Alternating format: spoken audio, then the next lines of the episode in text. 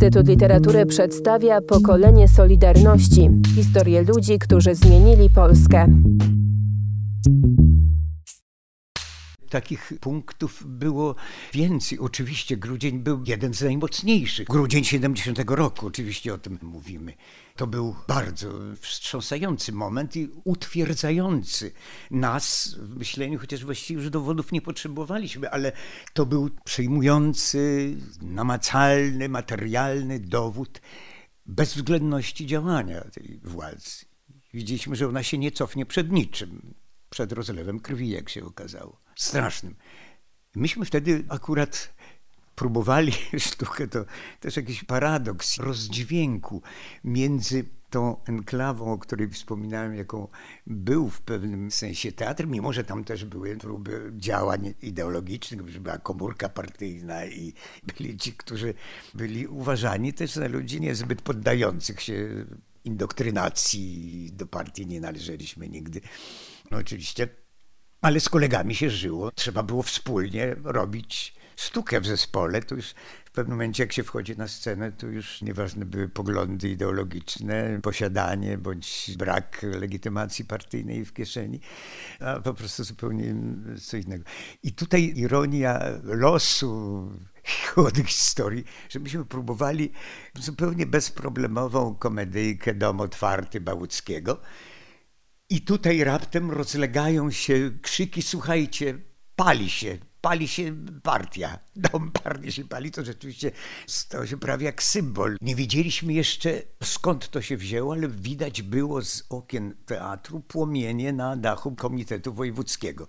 W tej chwili tam się mieści prokuratura w tym gmachu a nad nami helikoptery latające, jakieś oddziały policji, a my próbujemy coś, co, co zupełnie było w tym momencie absolutnym dysonansem wobec tego, co się dzieje.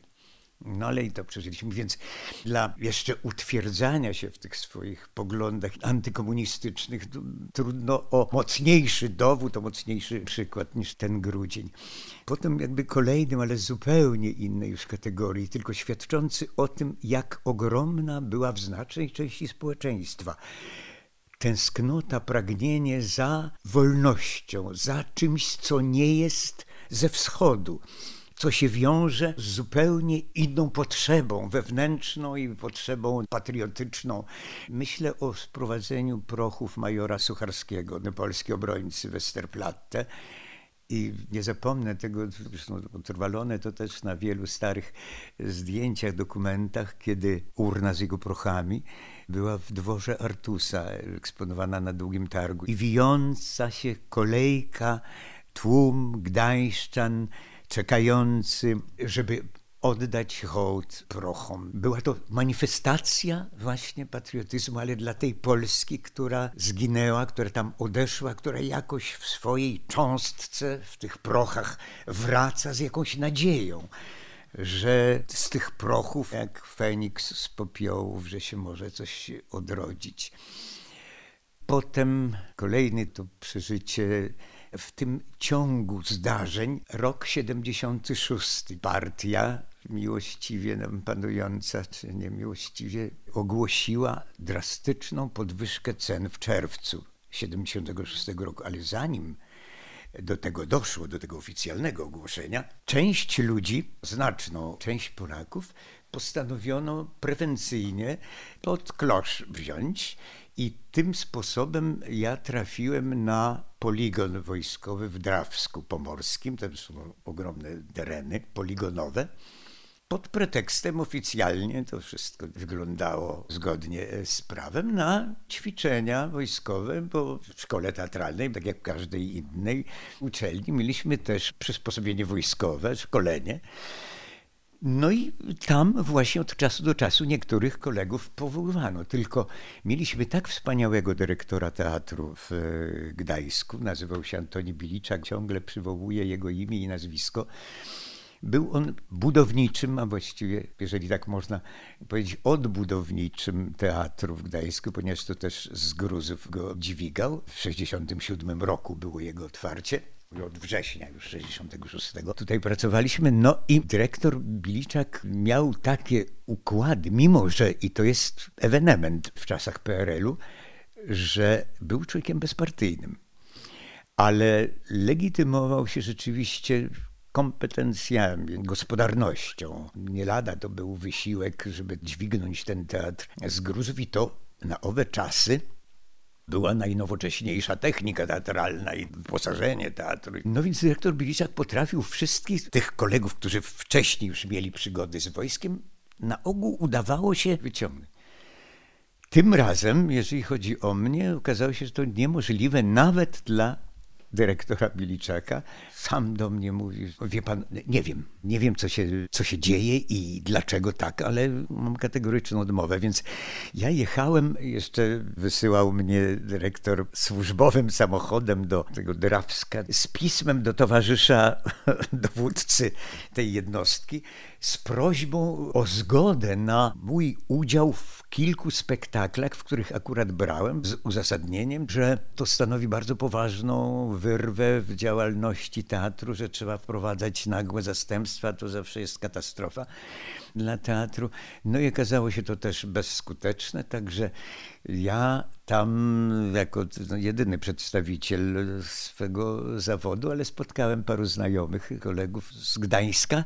Znaleźliśmy się na właściwie niezłych czasach, wakacjach, bo to z wojskiem niewiele miało wspólnego, poza tym, że ubrali nas w mundurki.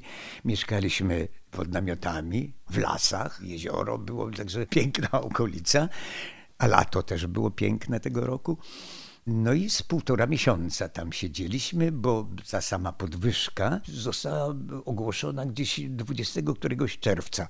No i wtedy wybuchł Ursus i Radom. Okazało się, że partia źle obstawiła trochę miasta, bo wzięła z Gdańska, ludzi gdzieś byli z południa Polski, gdzieś z zachodnich, ze wschodnich kresów, a tu raptem nieoczekiwanie warchoły, jak to wtedy to słowo stało się bardzo modne.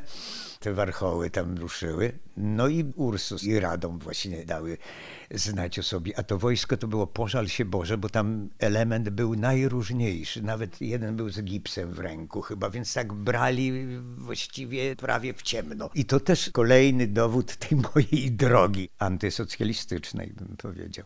Był to pierwszy rodzaj internowania, które nastąpiło potem już po ogłoszeniu stanu wojennego, to już wtedy oboje żoną zostaliśmy zgarnięci. Tak dochodzimy powoli już do tego sierpnia wszystko, o czym powiedziałem do tej pory, zbliżało nas coraz bardziej do kręgów y, ludzi podobnie myślących. Musiałbym dodać jeszcze jeden element do tej mojej opowieści. Równolegle idący do spraw zawodowych, teatralnych, do dojrzewania, bo tak bym to nazwał. Ten Gdańsk był dla nas czasem właśnie dojrzewania obywatelskiego.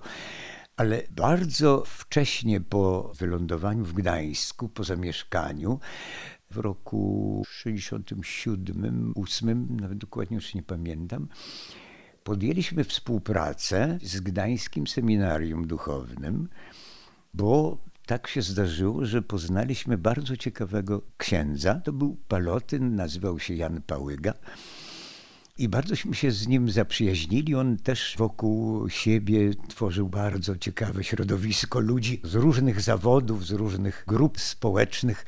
Był takim krzewicielem domów otwartych, jak to określał.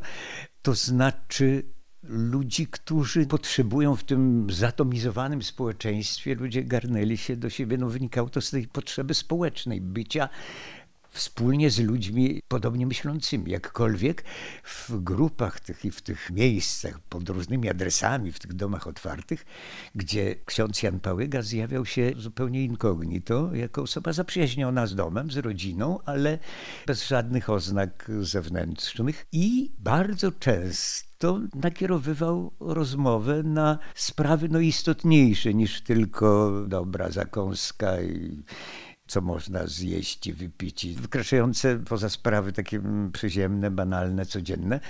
I rzeczywiście prowokował te rozmowy. To by było takie działanie świadome i bardzo ludzi zbliżało, a w gronie tych osób zapraszanych przez różne rodziny, bo myśmy swój dom też w taki sposób otwierali. Pretekstem były to często spektakle, zwłaszcza jeden To było wydarzenie artystyczne, ale nie tylko, właśnie, bo też społeczne na całą Polskę, a nawet dało nam to możliwość wyjazdu na festiwal do Wenecji. Mianowicie to był słynny, bardzo głośny spektakl Ulyssesa.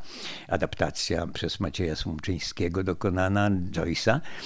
I bardzo burzliwe dyskusje odbywały się u nas w domu, ponieważ to dla osób też tak tradycyjnie wierzących i katolików to było bardzo niekiedy obrazoburcze i rzeczywiście on miał takie elementy, reżyserowany przez wybitnego, już nieżyjącego Zygmunta Hibnera który tutaj sporo spektakli reżyserował, no a potem był dyrektorem Teatru Powszechnego w Warszawie.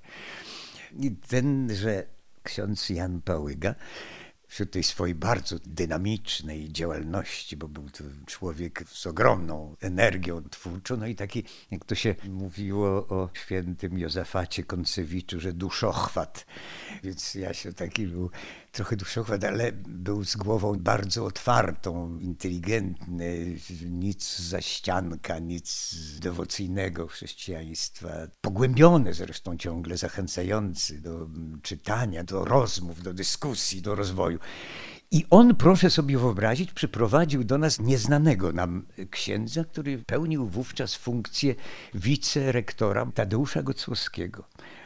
I on z propozycją przyszedł objęcia zajęć z klerykami w seminarium duchownym kierowany pod adresem nas obojga, objęcia zajęć z zakresu kultury mowy, dykcji. Propozycja, która przyprawiła o ciarki na skórze, bo próbowaliśmy sobie wyobrazić, jak to mamy wkroczyć w zupełnie nieznany nam świat, no ale niby dzielić się z tym, co jakby było częścią naszego warsztatu, przygotowania. O takie sprawy chodziło, które potrzebne dla kaznodziei miały być. No i tak się też stało, że przez 40 lat prawie w tym seminarium, żona mniej trochę.